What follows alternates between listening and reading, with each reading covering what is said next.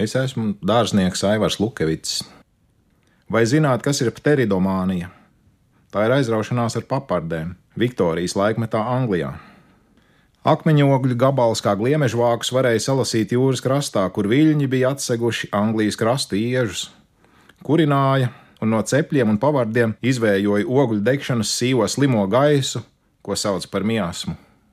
Bet, kad Džeims Vats 1769. gadā izgudroja universālo tvaika dzinēju, nu varēja nebeidzami izsūknēt ūdeni no ogļu raktuvēm un piekļūt ogļu slāņiem arvien dziļāk un dziļāk, bet oglis ļāva darbināt ūdens sūkņus un nokļūt vēl dziļāk, un tās oglis ļāva cilvēku smagākos darbus pārcelt uz tvaika mašīnu pleciem. Akmeņoglis kļuva apbrīnotas un cildinātas un rotās kaltas, kā sveicieni no sena laikmeta papāžu mežiem, kā ēdienas dārzs, kas izgaist sadedzinot katru akmeņu ogles gabaliņu. Ogles ir senas papardes, dārzeņi, kas īsti nav dārzeņi. Noslēpumainās papardes, kam nav ne ziedu, ne sēklu, augi, kurus pētniekiem līdz šim nebija izdevies pavairot, nu ar ogļu dzinēju tvaikoņiem tika vesti no Britu impērijas jaunajām zemēm kur tika ierīkoti botāniskie dārzi, un vienlaikus arvien plašāks kļuva ļaužu lokus, kuri varēja nodarboties ar dabas pētīšanu un veltīt savu laiku dārzkopībai, pilsētas māju skaistuma pagalmos. Taču apbrīnotie augi pilsētās cieta no ogļu un petrolijas lampu kvēpiem. Un tad ārsts Natānijas Vārds savus tauriņu kolekcijas kūniņus centās pasargāt aizlīmētā stikla pudelē, viņš drīz atklāja, ka vienā paraugā uz mitrās kūniņas noslēgtajā pudelē ir izaugusi maza papardīte. Viņš vēroja, kā no dīksta izelpotā mitruma pudeli noraso, tad mitrums notek, un paparde no jauna to uzņem. Natānijas vārds izmēģināja, kā dažādas papardes aug lielākos stikla traukos.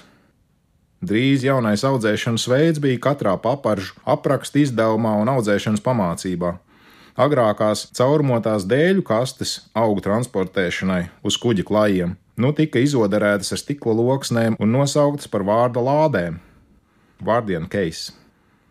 Viktorijas laika Anglijā bija pārliecība, ka dabas likumība izzināšana vedīs augšu pie lielā dabas dieva. Paparžu izpētes grāmatas izdeva garīdznieku un kristīgo zināšanu biedrības, ilustrētu papāžu katalogu izdošana kļuva par sieviešu aizraušanos atbildībā pret svarīgāko, ar ko jāiepazīstina citas sievietes. Avīžu raksti mudināja doties vākt papārdas vismaz dažas stundas nedēļā, uzsverot dabas pastaigu, izglītības, veselības un morāles stiprināšanas nozīmi. Dažāda greznuma skārda kastītēs tirgoja paparžu rokamo lāpstiņu komplektus ar pamācībām, kā papardes nebojātas izrakt vai izvilkt no akmeņu spraugām. Kaislībām turējās līdzi izdevniecības, tās iesēja albumus ar biežāk sastopamo paparžu nosaukumiem, lapas augšpusē un vietu pareizi atrastēji papardes lapai, kas tika izžāvēta un nospiesta. Bet atvēruma apakšpusē bija vieta atmiņu ierakstam par paparžu meklēšanā lieliski pavadīto dienu kopā ar labākajiem draugiem. Drīz varēja iegādāties arī dāvināmus herbārijas priekš tiem, kuri dabā nedavās nekad. Jaunus celto dzelzceļa līniju attālās stacijās papažu medniekus sagaidīja lauku bērni, nopelnot kabatas naudu par ceļu parādīšanu līdz populārākajām paparžu vietām un rūpīgi slēpjot neparastāko paparžu atradnes kādiem citiem labākiem gadījumiem. Jūsmojošie ceļotāji mēdz papardes nest pilniem groziem, kaut arī māju ceļā lielākā daļa kļuva par siena klēpi. Uzplauka paparžu pasūtīšanas pakalpojumi kā no dabas, tā arī no aizvien jaunām audzētavām. Vienlaikus varas iestādes steidz rakstīt jaunus likumus, sargājot paparžu vietas no neprātīgas postīšanas. Papardes bija jebkurā dzīves jomā. Smalki un detalizēti paparžu silueti rotāja jaunu namu fasādes. Papardes bija uz trauku servīzēm, uz mēbelēm, matu lentām, pat uz zobu birstēm.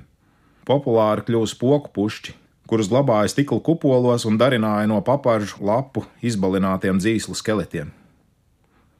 Papažu audzētāju katalogos stāda ilustrācijas mijās ar viņiešu ieskautiem daudzveidīgiem vārdu lādes paraugiem, nostiprinot priekšstatu, ka papardes un vārda lādes pastāv nešķiram kopā.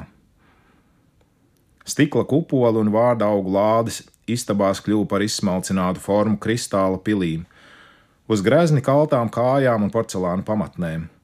Augus apsildīja petrolejas lampas vai karsta ūdens skārdas pilveni. Novietoti viesistabās vai slimnieku palātās, augi parasti nonāca sieviešu rūpju lokā. Taču visām šādām kaislībām reizes pienāk beigas. Pirmā pasaules kara laikā bija zudušas papāžu audzēšanas prasmes, zināšanas un arī paši dārznieki. Papāžu mājas palika novārtā, pamazām tās izzuda, un interese par papārdēm bija ļoti niecīga līdz pat 20. gadsimta vidum. Taču gadsimta beigās angļu dārzus pārņēma jauns, kokveida eksotisko papāžu stādīšanas vilnis. Un līdz ar to atjaunojās arī interese par vietējo papāžu audzēšanu un vārda lādēm modernajos interjeros. Nu, ķeraties klāt un salīmējiet savus stikla namiņus un sākat veidot un kopt sūnu, mazo kociņu un papāžu ainaviņas, un noteikti dodaties reizi nedēļā apgūt papāžu dzīvi dabā.